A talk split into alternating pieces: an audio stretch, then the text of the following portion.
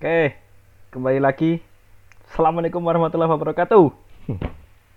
Waalaikumsalam warahmatullahi wabarakatuh.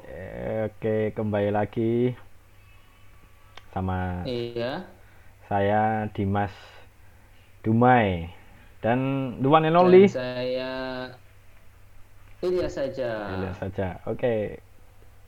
Eh, kita mau lanjut obrolan yang minggu kemarin Iya, tentang terus? Romo Mangun ya karena masih dalam nuansa apa namanya haul gitu ya. Haul Romo Mangun yang iya no, sahur Keberapa, yang Bung? yang ke berapa? 20 Oh, 22 ya? Iya yang Ya. 22 benar. yang ke 22 tahun. Oke. Eh langsung saja Bung eh lanjutkan yang kemarin pembicaraan tentang Romo Mangun eh apa sih yang melekat mungkin di hati Bung Ilyas atau mungkin di pemikiran Il- Bung Ilyas tentang Romo Mangun yang masih melekat gitu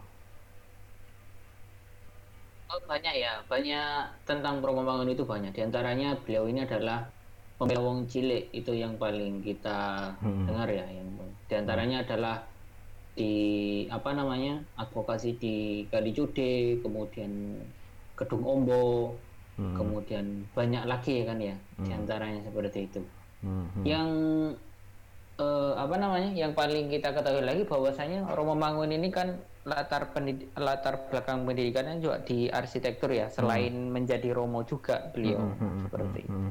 Itu apa eh, latar belakangnya. Dan ingat Romo Mangun itu juga berasal dari keluarga yang sederhana, Hmm, kayak gitu kan. Juga anak dari petani ya, petani yang di ada di Muntilan. Nah kayak gitu, penan- petani tembakau pada waktu itu. Seperti itu. Oke. Eh, sekilas tentang perjuangannya apa namanya Romo Mangun itu kan banyak sekali ya. Entah itu di Kalijode yang di Ya. Jogja, terus kemudian di mana itu Gedung Ombo ya, Iya, dan benar. banyak lagi perjuangannya. Nah, eh, kalau menurutku ya satu hal eh, yang menarik tentang Romo Mangun yaitu aku ngomongin tentang pendidikannya gitu kan. Jadi eh, Iya. dulu itu ada salah satu dosen UGM yang saya sebut merek aja ya dosen UGM gitu kan itu yang dekat sama Romo Mangun nah beliau meminta untuk membuat sebuah kayak semacam media pembelajaran untuk dulu awal-awal pendirian SD Mangunan itu kan. Nah eh, Iya, apa namanya dari di si dosen UGM ini dia membuat sebuah media tentang pelajaran bahasa Inggris gitu kan. Nah dia Hmm. gini em, mencontohkan apa namanya pesawat gitu kan. Plane gitu. Plane pesawat. Nah kertasnya atau medianya itu dikasih ke Romo Mangun gitu kan Romo Mangun bacalah eh, media tersebut yang akan diajarkan kepada anak-anak eh, SD Mangunan. Sama Romo Mangun itu dikerus-kerus Terus? dikerus dibuang ke tempat sampah gitu kan. Otomatis kaget dong si si dosen di si, si dosen UGM ini. Terus kenapa kok dibuang? gitu kan. Nah ternyata si si dosen itu kan mencontohkan pesawat pesawat plane itu tadi kan. Iya. nah eh Romaun bilang ngapain kamu mencontohkan pesawat atau plane itu? Gitu kan. Karena di belakang SD Mangunan itu kan rel kereta gitu kan. Ganti aja menjadi tren gitu kan. Diganti tren bukan plane gitu. Itu itu menjauhkan siswa dari apa namanya eh Realita. ya realita yang ada di sekitarnya dia gitu kan. Nah aku mengambil pembelajaran dari situ bahwa eh, eh, pendidikan kita bahkan saat ini itu masih menjauhkan dari realitas-realitas yang ada di sekitar kita. Contohnya tadi eh, misalkan ya di belakang sekolah SD Mangunan itu kan rel kereta kenapa nggak mencontohkan rel kereta kemudian transportasi yang ada di sekitar situ? Kenapa harus mencontohkan pesawat? Itu kan jauh dari lingkungan sekolah tersebut gitu loh. Nah otomatis juga menjauhkan realitas apa namanya eh, yang ada di lingkungan si peserta didik. Itu sih yang menurutku eh, apa ya bahwa aku sadar Yang eh, wah iya ya kenapa kok kita harus eh, menjauhkan realitas yang ada di lingkungan mereka? Kita mendaki-daki jauh ke sana tapi sebenarnya banyak sekali pendidikan ataupun contoh-contoh yang bisa kita terapkan dalam dunia pendidikan yang tidak jauh dari kehidupan sehari-hari peserta didik. Gitu sih menurutku itu yang menurutku masih melekat. Ya. Benar sih kalau gitu. Hmm. kalau menurut saya ya saya mau berpendapat bahwasanya uh, Romo Mangun ini berpendapat ini yang lebih yang lebih tinggi hmm. bahwasanya apa namanya agak mendaki-daki ya soalnya hmm. tentang apa namanya beliau berpendapat tentang sistem pendidikan ya hmm. Hmm. kalau Romo Mangun itu berpendapat bahwa uh, sistem pendidikan di Indonesia itu uh, ditentukan oleh filsafat tentang manusia dan citra ma masyarakat gitu hmm, hmm, hmm. Nah makanya uh, apa namanya Romo Mangun itu ada apa namanya menggagas tiga bina namanya di hmm. Anu, dengan dikenal dengan tribina. Hmm, hmm. Apa saja itu tribina? Yang pertama yaitu adalah bina manusia. Satu, ini perlu diingat. Bina manusia. Yang kedua, bina usaha. Hmm. Dan yang ketiga itu adalah bina lingkungan. Nah, yang di apa namanya yang diceritakan oleh Mas Dimas Dumai tadi itu di antaranya hmm. adalah bina lingkungan. Bagaimana tidak menjauhkan peserta didik itu dengan uh, lingkungan lingkungan di mana mereka hidup nah hmm. seperti itu hmm. terus uh, kenapa kok aku malah malah justru tanya nih uh, apa ya kenapa kenapa kita harus uh, bukan tanya sih aku memberikan statement. Kenapa kita harus memberikan pendidikan yang ada di lingkungan uh, sekitar peserta didik gitu kan? Kenapa kita harus jauh-jauh ke sana gitu kan? Karena yang akan mereka hadapi apa namanya di masa mendatang ya otomatis yang ada di lingkungan sekitar mereka gitu loh. Kalau misalkan kita menjauhkan uh, ya ya kita hanya mengimajinasikan apa yang ada di luar mereka gitu kan. Nah ketika yeah. mereka dihadapkan dengan lingkungan yang ada di sekitar mereka mereka tahu apa yang mereka harus lakukan. Kemudian pendekatannya seperti apa cara berkomunikasi. Mungkin mungkin seperti itu sih. Itu yang uh, mungkin tadi apa bina bina lingkungan gitu ya? Bina lingkungan. Mm -mm. iya. Bina lingkungan. Mm -mm. ada lagi nggak kira-kira cerita menarik tentang apa namanya Romo Mangun uh, dan kehidupannya pendidikan ya yang entah ya yang yeah. harus pendidikan gitu loh maksudnya yang bisa kita teladani dari Romo yeah. Mangun ada lagi yang kayak gini bahwasanya cek uh, apa adalah pemikir hmm. yang humanisme gitu loh hmm. pendidikannya juga pendidikan yang humanis hmm. seperti itu hmm. ini apa nah ini dibutuhkan dengan apa coba ini tentang hakikat pendidikan yaitu uh, pendidikan itu Romo Mangun itu juga membina di Kalicode gitu loh hmm. nah ini kan rakyat rakyat miskin ya eh sorry ya apa namanya uh, selam area kemudian di situ ya banyak warga-warga yang prasejahtera lah seperti hmm, itu. Hmm. Tapi dengan Romo Mangun itu dibina, dibina seperti itu. Baik hmm. secara formal, secara formal bagaimana mereka itu mau uh, ikut dalam apa namanya sekolah sekolah-sekolah formal. Yang kedua atau non formal.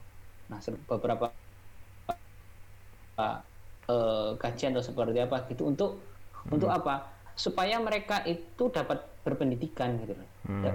berpendidikan juga gitu. Hmm, hmm, hmm, hmm kalau yang selanjutnya ya kalau yang eh, apa namanya dimensi selain humanisme Romo hmm. Mangun ini juga mempunyai pandangan religius ya religius tentu jelas ya bahwasanya Romo yeah, Mangun yeah, ini yeah. kan juga Romo seperti itu kan pemimpin apa namanya pemimpin uh, di Katolik seperti itu. Mm-hmm. Nah ini juga tidak perlu diragukan lagi.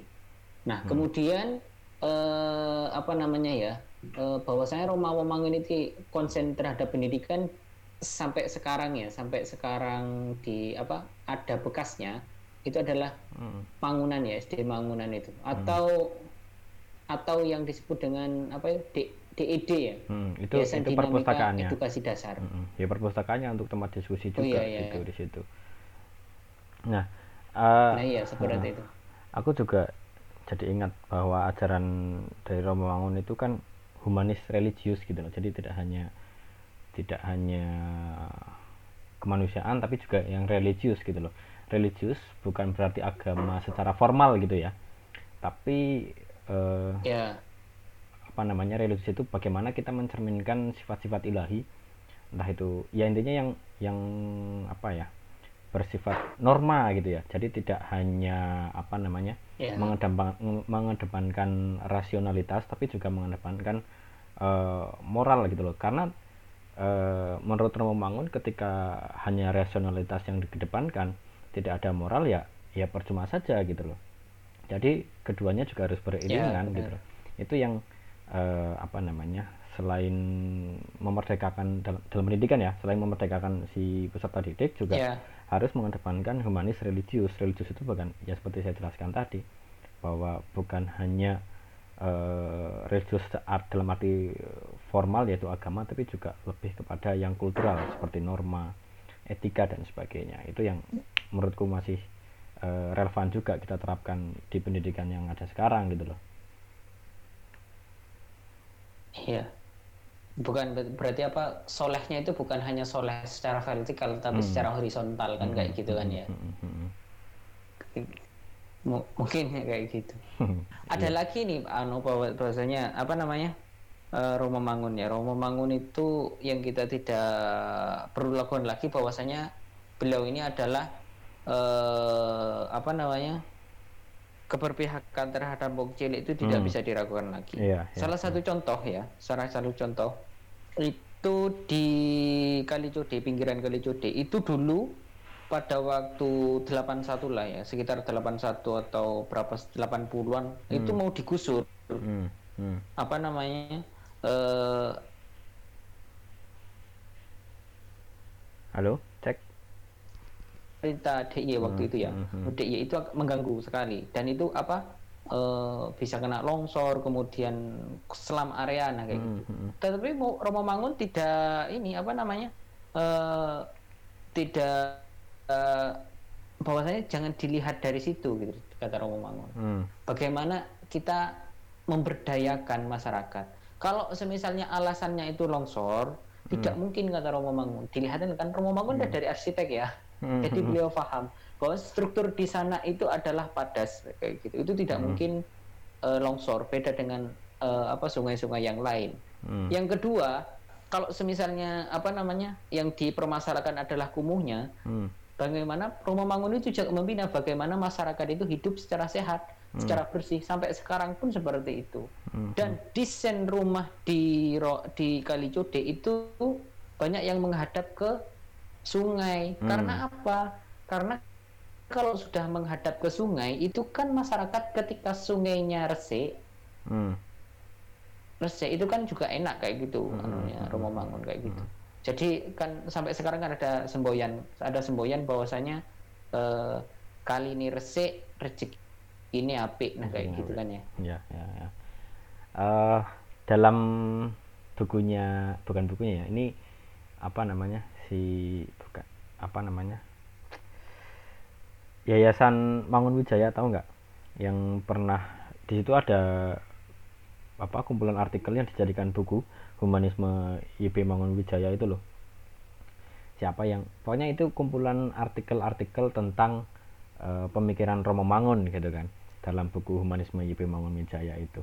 Iya. Nah uh, aku ingat salah satu kutipan dalam buku tersebut bahwa apa namanya yaitu tadi Romo Mangun kan seorang arsitek dan dia juga seorang Romo gitu seorang yang religius gitu loh jadi ketika hmm. memahami iya. Romo Mangun apa namanya pembelaannya dia terhadap orang kecil wong cilik itu tadi itu apa ya ketika kita melihat religius itu kan hanya hanya vertikal seperti yang Mas Ilas tadi jelaskan bahwa hubungan antara Tuhan dengan manusia tapi ketika melihat Romo Mangun itu religiusnya Romo itu melebur ketika apa namanya uh, pembelaan terhadap orang-orang kecil gitu loh.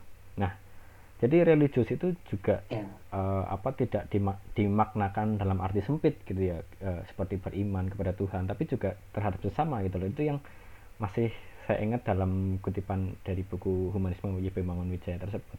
Jadi ketika kita melihat Romo Mangun itu ketika dia membela uh, rakyat kecil itu seolah-olah ya itu religiusnya Romo Mangun itu juga dalam hal seperti itu gitu loh itu juga yang yang saya ingat dalam yeah. bukunya gitu loh jadi apa apa namanya uh, soleh soleh sosial lah seperti hmm. itulah ya hmm, hmm, hmm. ya benar banget jadi apa ya ya Romo Mangun itu bukan hanya saya selalu mengulang-ulang kata ini. Uh, tidak hanya membangun manusianya eh tidak hanya membangun gedung tapi dia juga membangun manusianya gitu loh. Baik dalam dunia pendidikan kemudian dalam kesehariannya apa uh, manusia itu Romo Mangun juga mengajarkan hal-hal baik gitu loh. Itu yang saya sering ulang-ulang seperti minggu kemarin ya kalau apa namanya Romo Mangun juga apa namanya ketika memikirkan apa sosial seperti itu kan juga tidak lepas dengan pendidikan juga. Hmm. Bahwasanya Romo Mangun juga berperan dalam pendidikan di sini yang dititik beratkan Pak oleh Romo Mangun tentang pendidikan itu adalah tentang penyadaran sosial hmm. dan kritik terhadap sosial seperti hmm. itu, hmm. ya kan? Yang pertama adalah eh, Romo Mangun ini memikirkan pendidikan itu tidak hanya di apa dimakan oleh satu golongan saja, tetapi semua golongan.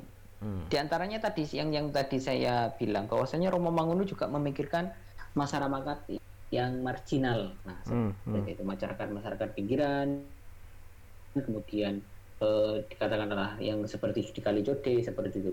Nah, hmm. penyadaran-penyadaran tersebut eh, di antaranya adalah membuka tabir-tabir, membuka hmm. tabir-tabir apa ya? Membuka tabir-tabir keterasingan hmm.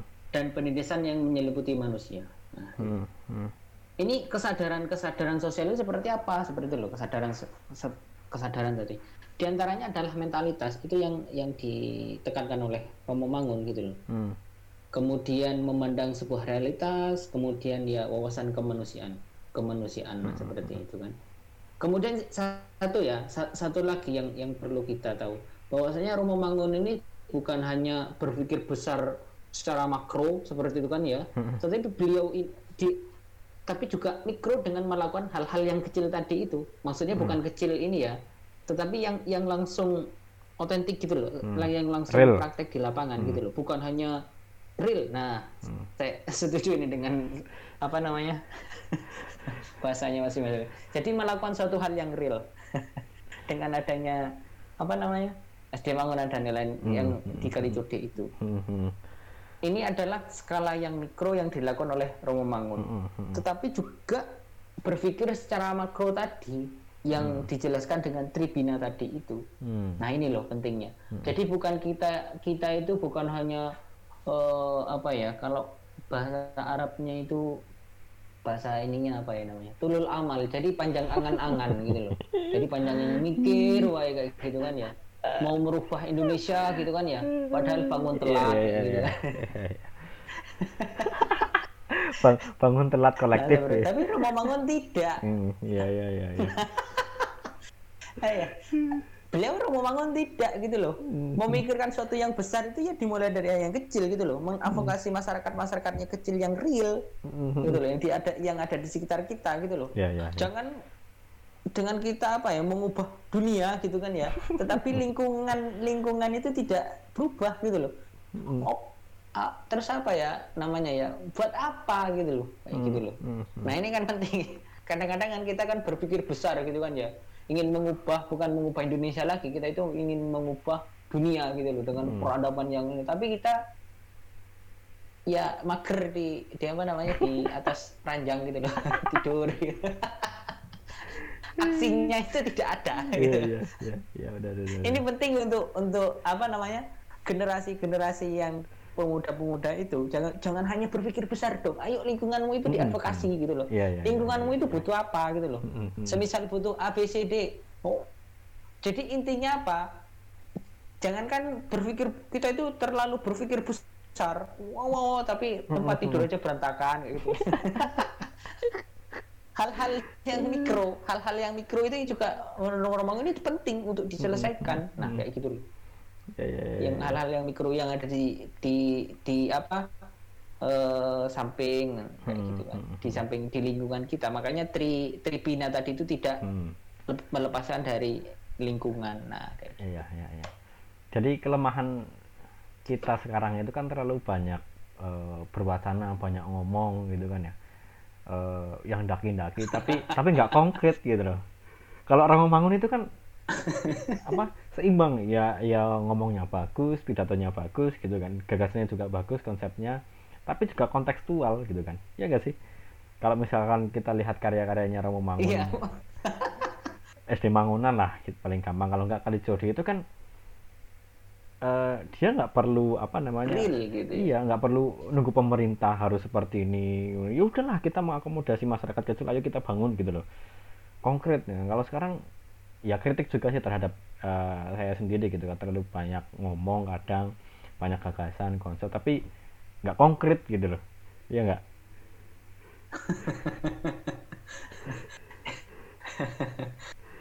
Iya iya iya. Benar. Nah, uh, ini juga sebetulnya kalau kita flashback kembali berdirinya SD Mangunan gitu ya SD Mangunan uh, yang didirikan sama Mangun itu juga sebetulnya kritik terhadap sistem pendidikan yang ada dulu gitu loh nah dulu ya, ini, ini menurut ya. uh, ini menurut Romo Mangun gitu ya uh, sistem pendidikan yang ada dulu itu nggak mengakomodir orang-orang apa namanya prasejahtera, prasejahtera gitu nah akhirnya gampangnya gini nah. Romangun bahasa bahasa Jawa ya wis lah uh, bangane apa meluni sekolah sing pemerintah sing biyane mahal orang mengakomodir orang-orang prasejahtera tadi wis nggak sekolah di wae wis sistem yang ini dan sebagainya. Toh nanti pemerintah mau mengikuti kita apa ya enggak terserah. Yang penting masyarakat prasejahtera ini juga mendapatkan pendidikan yang yang layak dan dan setara dengan pendidikan formal pada saat itu gitu loh.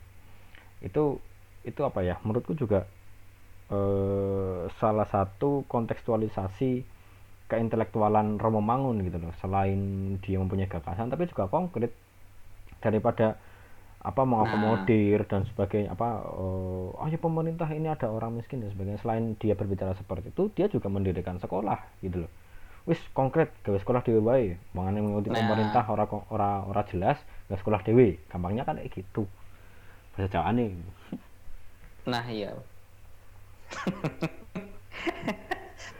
nah makanya makanya uh, walaupun ya di kali Code ya dalam lingkup katakanlah uh, ya bukan kecil juga ya besar tapi kan keteladanan di seperti itu ada yang konkretnya itu kan juga hmm. bisa dicontoh gitu loh inilah hmm, hmm. ketika sebuah memikirkan di apa ya namanya ya diejawantahkan yeah, yeah, yeah. diejawantahkan diejawantahkan ya itu gitu loh hmm hmm. ini hasilnya yeah, bukan yeah. hanya uh, apa ya namanya berperang dalam hal-hal teori-teori saja gitu loh hmm, hmm. teori-teori yang belum teruji atau seperti apa nah hmm, kayak gitu hmm, hmm, hmm.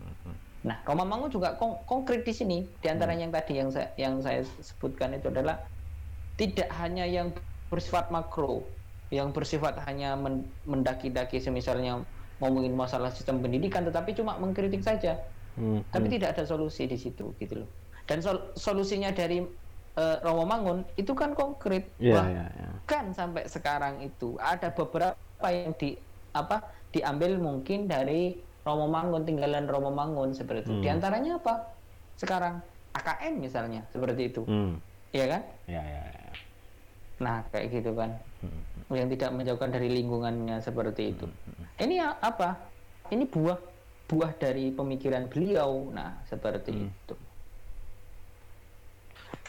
Nah, uh, gini, ngomongin Rawamangun, uh, kok bisa ya? Menurut, menurutmu kenapa kok bisa uh, apa ya? Selain latar belakang apa dinamika kehidupannya Rawamangun yang memang keras, kemudian beliau juga pernah uh, gabung dalam militer gitu kan? Kenapa kok bisa ya Rawamangun itu sampai memikirkan hal-hal yang apa ya uh, luas jadi tidak hanya fokus dalam bidangnya sendiri arsitek tapi dia juga memikirkan pendidikan kemudian politik kemudian humanisme kemudian apa namanya uh, religi religiusitas gitu loh. Kenapa kok bisa Romo apakah ada hmm.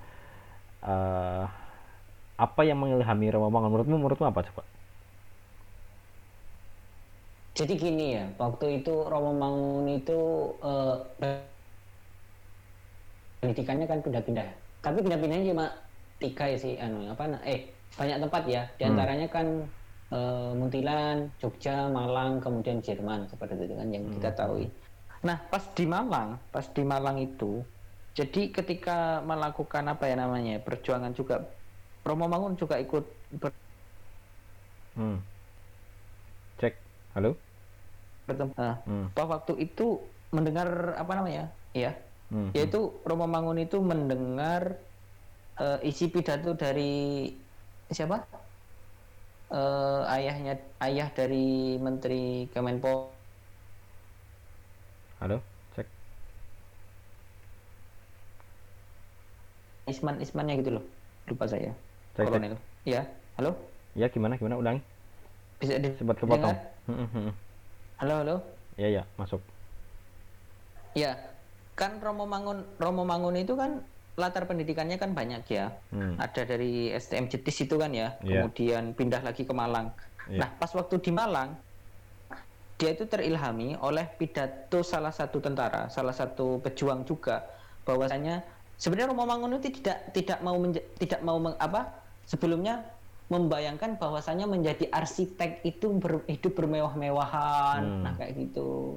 Nah, pada perjalanannya itu mendengarlah sebuah pidato dari pejuang, hmm. para pejuang, sehingga gelisahlah Romo Mangun, hmm. sehingga apa ya namanya Romo Mangun itu uh, konsultasi kepada salah satu romonya, Romo Ro, Romo yang ada di Malang kayak gitu, sehingga hmm. beliau dianjurkan untuk nyepi gitu loh, nyepi. Hmm. Hmm Nah, ketika pergolatan-pergolatannya seperti itu sehingga Romo Mangun apa namanya mengabdikan diri pada kesimpulan apa pada akhirnya Romo Mangun itu e, mengabdikan diri terhadap masyarakat hmm. seperti itu di antaranya di antaranya seperti itu hmm. selain itu kan juga Romo Mangun dibekali dengan pengetahuan yang bagus ya bahwasanya Romo Mangun itu suka membaca seperti itu kan ya. Hmm. Kemudian juga meng, apa sering diskusi tentang ideologi-ideologi dunia waktu hmm. di STM Jetis. Nah, kayak hmm. gitu. Hmm, hmm. Bagaimana perkolatannya seperti itu. Waktu itu kan sangat gencar-gencarnya ya. Iya, iya. Uh, apa uh, tentang fasis mungkin, kemudian hmm. pemikiran tentang li liberalis, kemudian hmm. tentang ini, kemudian saling itu berpengaruh juga terhadap pergolakan pemikiran Roma Mangun. Nah, hmm. seperti itu. Uh, gini ya kalau misalkan kita ngomongin tadi Romangun itu kan hidup di zaman yang memang eh, akses pendidikan terbatas kemudian informasi terbatas kemudian sumber bacaan terbatas gitu kan ya? Nah yeah. eh, ini juga menjadi kritik eh, kita gitu loh. Sekarang kita hidup di segala, eh, segala sesuatu yang gampang digital akses informasi buku dan sebagainya itu mudah gitu kan ya. Uh, ya benar. sebenarnya kan banyak yang informasi yang kita dapat tapi kok seolah-olah kita itu kayak kayak terkungkung gitu kan ya. Uh, apa hmm. namanya sebetulnya udah banyak nih buku ayo kita baca ayo ini informasi kita diskusikan. Nah sekarang malah justru uh, ya aku nggak mengatakan nggak semuanya ya tapi ada yang banyak yang udahlah ngapain kita belajar yang ideologi-ideologi yang apa namanya uh, yang seperti tadi liberalis kemudian sosialis uh, fasis dan sebagainya gitu kan. Uh, menurutmu gimana gitu loh?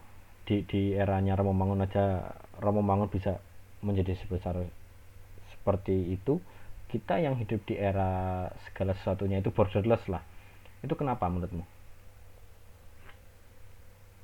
Karena gini ya apa namanya kita tahu belajar semuanya itu juga penting ya apa hmm. namanya apalagi sekarang itu belajar tentang algoritma kemudian uh, kalkulus atau apa ya namanya coding-coding seperti itu kan penting sangat penting untuk sekarang hmm. ini. Hmm. Nah di antara seperti itu di antara ilmu eksak-eksak yang sangat uh, yang harus kita kuasai apalagi generasi muda kan ya seperti itu hmm. yang harus juga sih kita juga harus belajar sejarah nah kayak gitu loh hmm. sejarah ini penting hmm. biar apa kita tahu tahap-tahapan tahapannya gitu loh hmm. tahap-tahapannya oh ideologi ini oh pernah seperti ini oh seperti ini oh seperti ini sehingga apa kita paham gitu loh kita hmm. paham kita paham masa perjalanan perjalanan kayak gitu eh apa historisnya yaitu berjalannya ber, rentetan historisnya itu kita tahu. Misalnya sebuah bangsa misalnya Indonesia oh pergolakannya seperti ini oh seperti ini 45 misalnya baru merdeka oh kemudian beda dengan Inggris oh beda dengan ini. Nah sistem pengetahuan-pengetahuan tadi itu juga penting gitu loh penting. Selain kita hmm. harus menguasai ilmu-ilmu yang lain. Karena kenapa? Dengan kita melihat sejarah sejarah sebuah negara se sebuah bangsa kalau ini ya, sebut aja merek ya saya hmm. misalnya uh, Budiman Sujatmiko lah misalnya seperti hmm. itu itu menyarankan bahwasanya kita harus tahu sejarah misalnya bangsa Indonesia sendiri uh, Cina misalnya hmm. Israel nah, hmm. nah kayak gitu kan ya di antaranya itu harus kita kuasai sejarahnya karena kenapa ya mereka itu besok yang menjadi apa ya king king power apa seperti apa lah ya istilahnya king power lah hmm. seperti itu untuk untuk ke depannya sehingga apa kita harus tahu paham bagaimana pergolakan Cina waktu apa eh, 50 tahun yang lalu 10 ta 100 tahun yang lalu apa hmm. sih Cina 100 tahun yang lalu itu kelaparan Iya iya iya iya iya. Ya. Seperti itu kan ya. Mereka hmm. kemudian misalnya Israel seperti apa seperti itu. Hmm. Jangan jauh 100 tahun yang lalu apa? Israel itu kan dulu di apa pas waktu apa namanya Nazi itu kan di wah di todong-todong senjata kan kayak gitu kan ya, hmm. sampai hmm. ada hmm. genosida nah seperti hmm. itu kan ya. Hmm. Ini ini juga kita harus tahu gitu loh belajar di antara di samping kita juga belajar yang lain sehingga apa kita tidak tahu kita tahu rentetan-rentetan nah, seperti itu hmm. begitu juga di Romo Mangun dulu kan itu zaman hmm. waktu itu kan Romo Mangun juga waktu itu kan eksis-eksisnya pemikiran pemikiran-pemikiran ya pemikiran-pemikiran ideologi karena apa Indonesia ini belum merdeka pak hmm. yeah, yeah. seperti itu mau hmm. dibawa ke mana apa Indonesia waktu itu kan kayak gitu kan ya hmm. sehingga kalau muncul-muncul yang lain mungkin kan uh, apa namanya waktu dulu itu kan yang in atau lagi yang hot gitu kan ya. hmm. ya itu tentang ideologi kan nah seperti hmm. itu hmm. Indonesia itu mau dibawa ke mana nah kayak gitu. hmm. gitu nah ya, seperti ya. itu nah uh, berarti gini uh, ya gini aku mencoba mencoba apa ya menarik benang merah gitu uh, dari podcast yang sudah kita apa namanya kita upload beberapa minggu yang lalu tentang liberal art gitu kan. Nah ya. uh, liberal art itu kan apa namanya tidak tidak ya kita sebagai manusia itu tidak hanya mempelajari satu disiplin ilmu saja tapi multidisiplin gitu kan. Nah e, contoh yang paling yeah. konkret itu ya ya Romo Mangun kenapa kita itu harus mempelajari banyak hal gitu loh misalkan kita sebagai seorang arsitektur itu tidak hanya fokus terhadap uh, arsitek pembangunan dan sebagainya, tapi juga terhadap humanisme, kemudian pendidikan, kemudian teologi dan politik mungkin. Nah, ini menurutku adalah apa ya? Contoh paling konkret tentang apa ya? Kalau kita mau menyelami liberal art, contoh paling konkret hasilnya yaitu Romo Mangun gitu loh. Karena Romo Mangun tidak hanya yeah. sebagai seorang arsitek, tapi dia juga pejuang kemanusiaan kemudian dia mendirikan sekolah, kemudian dia mengadvokasi. Ini kan juga berbicara hukum kalau misalkan kita uh, mengadvokasi masyarakat kecil yang mau digusur gitu kan. Jadi apa ya? Ya tidak ada ruginya ketika kita mempelajari banyak hal gitu loh. Ya mungkin mungkin nggak fokus tapi setidaknya uh, kita mempunyai perspektif yang luas ketika kita melihat uh, satu fenomena gitu loh. Jadi tidak hanya misalkan ya kita sebagai seorang yeah. sarjana arsitek melihat satu fenomena itu dari satu sudut pandang yaitu arsitek, tapi juga dari beberapa multidisiplin bisa jadi geografi, kemanusiaan. kemanusiaan, hukum dan sebagainya. Nah, uh, menurutku itu sih kenapa kita juga ha harus mempelajari uh, banyak hal agar kita tidak apa ya uh, menjadi seorang yang bahasanya mungkin puritan gitulah ya ya enggak sih nah hmm. iya iya hmm. itu ya, semisalnya semisalnya misalnya ya Romo Mangun misalnya dia hanya fokus pada arsitek saja hmm. Hmm. mungkin kan dia kan uh, apa namanya tidak memikirkan masyarakat masyarakat miskin nah seperti Iya, itu kan iya, ya. iya, iya. Tetapi dengan wawasan-wawasannya beliau yang sangat menyamudra gitu kan ya. Hmm, hmm. Sehingga beliau itu tidak tidak buta terhadap lingkungan sekitar seperti itu. Hmm. Dia mau advokasi, advokasinya juga eh, apa namanya membantu memberdayakan masyarakat di situ dengan ilmu arsiteknya juga. Hmm, Nah, seperti itu kan ya. Dengan membangun membangun apa namanya? eh arsiteknya Roma Mangun itu sederhana ya, bukan beton-beton Ya, yang ya, bertingkat-tingkat, tetapi dengan bambu. Nah, seperti itu. Tapi estetik gitu loh. Iya, iya. Punya karakter gitu ya. Dibuk- dibuktikan punya karakter bahkan eh, arsiteknya Romo Mangun itu hasilnya dari Romo Mangun itu mendapatkan penghargaan gitu sehingga iya. diakui oleh eh, internasional. Nah seperti itu. Ini kan bukan kaleng-kaleng walaupun dari bambu. Nah kayak gitu kan ya. Iya. oh ini yang yang yang yang yang perlu di ini kan. Bahwasanya Romo Mangun itu juga tidak arsiteknya itu terbaik ya. Tetapi itu digunakan untuk apa? Untuk mengadvokasi masyarakat masyarakat kecil untuk membantu membantu masyarakat masyarakat kecil juga. Beliau tidak buta terhadap lingkungan sekitar. Hmm. nah bagaimana memberdayakan misalnya ya tadi di antaranya kali Jode nah seperti itu. Di bagaimana mereka apa namanya kekumuhan-kekumuhan yang di kali Jode itu misalnya kusem seperti apa itu diganti dengan mural-mural nah seperti itu. Hmm, hmm. kan seperti itu kan ya Iya, yang iya. kita lihat seperti itu. Bahwasanya kenangan-kenangan terhadap Romo Mangun itu di di mana di Kalijodo itu tidak mungkin tidak mungkin akan luntur. Nah seperti itu Hmm, bahkan ketika kita survei dulu ya ke apa namanya bakti sosial di kawasan Kalijode ya kan yang kita dulu apa namanya resik kali kan ya Hmm, seperti hmm, itu. hmm, hmm. itu ada muralnya Romo Mangun juga di sana Iya, gitu loh. iya, iya. itu bukan sekedar mural-mural biasa ya itu adalah bagaimana mereka mengenang sosok Romo Mangun nah kayak gitu. Hmm, hmm, ya kan bahwa saya jasa Romo Mangun di sana itu kan terkenang gitu loh Iya, iya. terkenang terus seperti itu Eh, aku mau tanya sama kamu. Menurutmu nih, menurutmu, eh, kita kan episode kali ini tuh menyelami atau meneladani semangat Romo Mangun gitu kan ya. Nah, menurutmu ya challenge-nya apa nih di di era sekarang, terutama generasi muda seperti kita dan para pendengar yang lain, eh, untuk mm, apa ya, setidaknya kita mencontoh Romo Mangun gitu loh. Kira-kira challenge-nya ataupun tantangannya di era sekarang itu apa? jadi begini ya jadi yang kita teladani dari Romo Mangun itu atau challenge-nya nanti apa ke depannya seperti apa kita boleh bergerak di bidang eh, yang lain. Bu- bukan hanya di arsitek saja kan seperti itu kan ya. Hmm, hmm, kita harus bergerak di mana aja seperti itu. Baik di pendidikan kemudian di misalnya komputer di mana itu namanya di coding coding di politik atau seperti apa atau di seni atau seperti itu tapi perlu yang yang yang dititik beratkan ini apa? Jangan lupa terhadap masyarakat masyarakat kecil itu yang perlu diadvokasi. Nah seperti itu. Hmm, Iya, iya, iya, iya. misalkan eh, jadi politisi ya berpihaklah kepada kaum kaum yang termarginalkan. Nah kayak Hmm. gitu. Pendidik juga sama. Bagaimana kita berpihak juga terhadap eh, kaum kaum marginal bagaimana misalnya kalau ada orang prasejahtera masuk ke sekolah seperti itu kan ya? Hmm. masa kita kucilkan? Nah seperti itu itu juga bentuk dari apa ya kepedulian kita terhadap kaum kaum termarginalkan gitu loh. Hmm, hmm. bahwasanya kita boleh menjadi apa saja tetapi membela membela terhadap kaum marginal yang termarginalkan itu wajib. Nah kayak gitu kan ya. Hmm. di agama mana pun juga sama. Di saya Ya, rasa ya, ya, ya. sepakat lah seperti kita harus berpihak terhadap kaum marginal nah seperti itu Hmm. bukan kaum minoritas ya minoritas itu kadang-kadang yang kayak di Indonesia kan minoritas juga nah kayak gitu Iya, iya. tapi yang kaum termarginalkan ini penting ini digarisbawahi kayak gitu Iya, iya, iya. biar nggak nggak salah arti nah kayak gitu Berarti ketika kita meneladani dan mencontoh Romo Mangun itu bukan berarti kita eh, sama pergerakannya seperti Romo Mangun gitu ya. Tapi dalam hal-hal kecil gitu. Tidak. ya. Ha.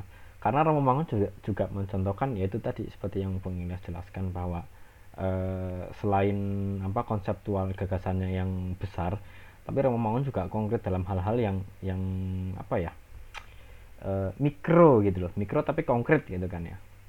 Nah, eh, ya lakukanlah hal-hal kecil tapi setidaknya itu bermanfaat gitu untuk lingkungan lingkungan sekitar kita. Dan kita juga harus membela apa nama tadi orang-orang yang minoritas dan termarginalkan itu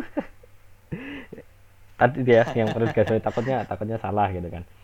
Itu yang perlu kita teladani gitu uh, dari Romangun kira-kira apalagi sih yang perlu diteladani dari Romangun gitu selain apa namanya uh, humanisme pembelaan rakyat kecil dari segi intelektual deh menurutmu kira-kira apa yang perlu kita contoh dari Romo Mangun gitu Iya semangatnya ya, yang satu. Romo hmm. Mangun itu bukan bukan lahir dari keluarga yang kaya raya hmm. atau hmm. keluarga yang ningrat seperti itu kan ya. Hmm. Hmm. Dulu itu untuk mengenyam pendidikan itu kan sangat sulit sekali bagi kaum kaum yang eh, katakanlah bukan ningrat ya kan ya, hmm. hmm. bukan ningrat kayak gitu pada zaman-zaman itu.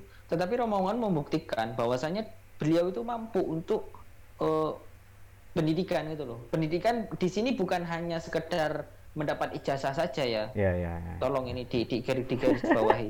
Tetapi pendidikan pendidikan di sini ini juga uh, kalau sekarang ini kan anu apa namanya pendidikan sepanjang hayat nah Ya, ya. Jadi yang di yang di apa namanya yang ditekankan oleh beliau itu itu gitu loh. Hmm. Bahwasanya belajar ini ya belajar belajar bukan hanya sekedar mendapatkan ijazah nah kayak gitu. Tetapi hmm. bagaimana kita belajar untuk mengupgrade ilmu pengetahuan kita apa yang kita hmm. tidak tahu kemudian apa yang apa namanya apa yang kita ini kan seperti yang uh, untuk mengupgrade lah apa namanya pengetahuan kita nah seperti itu hmm. kemudian apa yang kita ketahui ya kita harus praktekkan juga walaupun itu secara mikro gitu loh hmm. karena hmm. yang di, yang bisa dilakukan itu mikro ya mikro semisal menjadi pejabat misalnya hmm. pemangku kebijakan ya dilakukan secara makro karena menjadi pembuat kebijakan jadi ada por tersendiri gitu loh hmm. ada porsi-porsinya tersendiri gitu loh hmm, hmm. nah kayak gitu ada kayak apa ya namanya jadi sebuah negara itu kan seperti uh, loh ada mak, tangan ini tugasnya ini anu ada tugasnya ini kaki adalah tugasnya untuk berjalan nah bagaimana uh, sistem yang ada di negara kita ada yang di Indonesia kita ini uh, berjalan sebagaimana mestinya gitu loh hmm. berdasarkan fungsinya.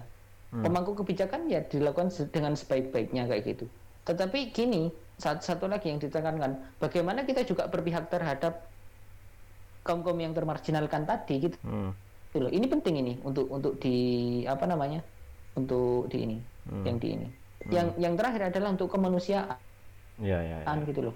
Bahwa bahwasanya Romo Mangun ini kemanusiaannya sangat luar biasa loh hmm. yang yang apa namanya humanismenya Romo Mangun itu bagaimana beliau ini pendidikan itu bukan hanya sekedar transfer knowledge saja hmm. tetapi bagaimana memanusiakan manusia nah hmm. kayak gini ini hmm. penting ini hmm. untuk di hmm. di apa namanya diketok hmm. nah kayak gitu iya iya iya apalagi di era sekarang gitu ya e, pendidikan dalam arti formal gitu ya itu sudah e, apa ya esensinya itu kadang dilupakan gitu loh sebagai uh, ya. sebagai sebuah kemanusiaan tapi apa ya menghilangkan yaitu substansinya sebagai kemanusiaan. Kita hanya apa namanya terkungkung dalam mengejar nilai kemudian ijazah kemudian ya seolah-olah kita pendidikan kita itu kayak pabrik gitu ya.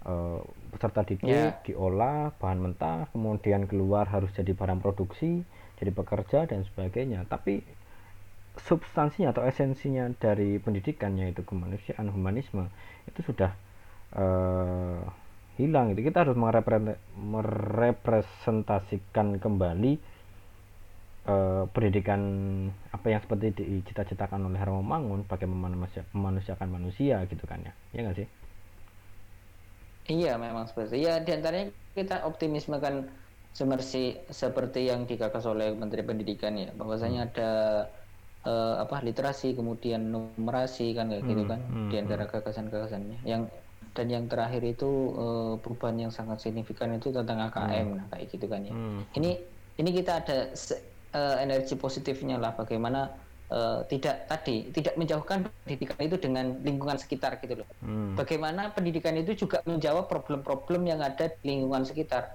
kita tidak uh, hanya berbicara misalnya ya, misalnya kayak kalau IPS ya misalnya uh, berbicara tentang ter terlalu jauh, kita tidak paham uh, apa namanya gem mas gempa yang ada di Jogja misalnya, gempa hmm. yang ada di jenis uh, lingkar Ring of Fire di Indonesia gitu. Kita hmm. belum paham, tetapi kita sudah membahas Gunung Everest, nah kayak gitu. Nah buat apa? Nah kayak gitu kan ya. Hmm. Hmm. Buat buat apa kita menjauh-jauh ya? Di lingkungan dulu itu loh, paham, pahami dulu. Dan bagaimana kita itu me menciptakan solusi apa namanya eh, masalah-masalah uh, yang ada di intern di intern kita dulu atau paling apa ya paling paling ininya di lingkungan di lingkungan kita sendiri nah kayak gitu. hmm, hmm. ya ya ya ya, ya. Uh, oke okay.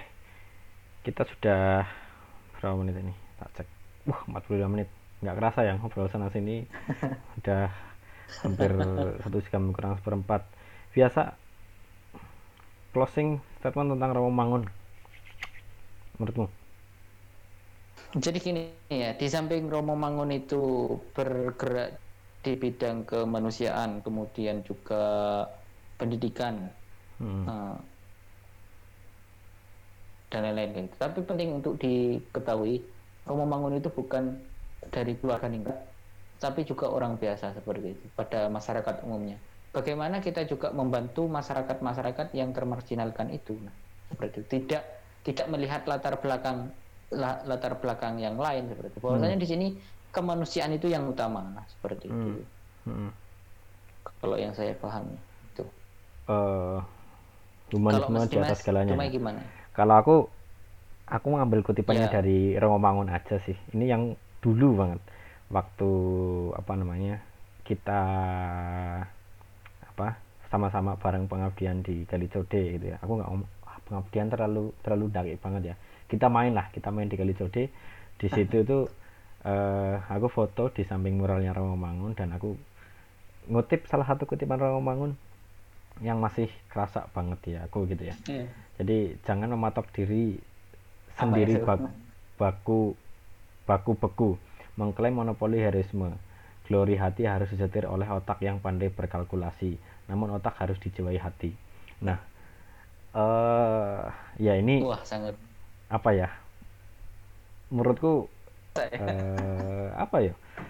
Yo selain sebagai warning, alarm gitu ya. Jadi kita itu nggak usah terlalu sebagai orang yang terlalu heroik, orang yang kaku bahwa kita itu udah bisa segalanya tapi kita juga harus sadar bahwa kita tuh orang yang yang masih kecil di antara orang-orang yang besar gitu nah di akhir kalimatnya kan Romo juga ngomong gelora hati itu harus disetir oleh otak yang pandai berkalkulasi berkalkulasi namun otak harus dijauhi dengan hati jadi keseimbangan antara hati ketika kita apa namanya uh, terlalu baper itu juga nggak baik.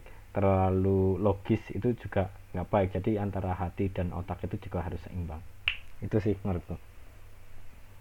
Itu yang dari kamu ya oke okay, gitu ya, dulu. sangat luar biasa sekali ya. Ya banyak sekali pelajaran dari Romo Wangun. Uh, apa ya? Yeah. Aku jadi semangat lagi nih baca karya-karyanya Romangun baik sastranya ataupun artikel-artikelnya gitu kan ya karena banyak juga sih artikel-artikel yang uh, ditulis oleh Romangun ya nggak sih Iya iya hmm. benar benar. Oke, okay. gitu dulu. Sampai jumpa di episode minggu depan berapa? Sembilan ya? Selanjutnya. Oke. Okay. Iya. Selanjutnya di tema-tema yang tak terduga. Okay, thank you. Bye. Bye.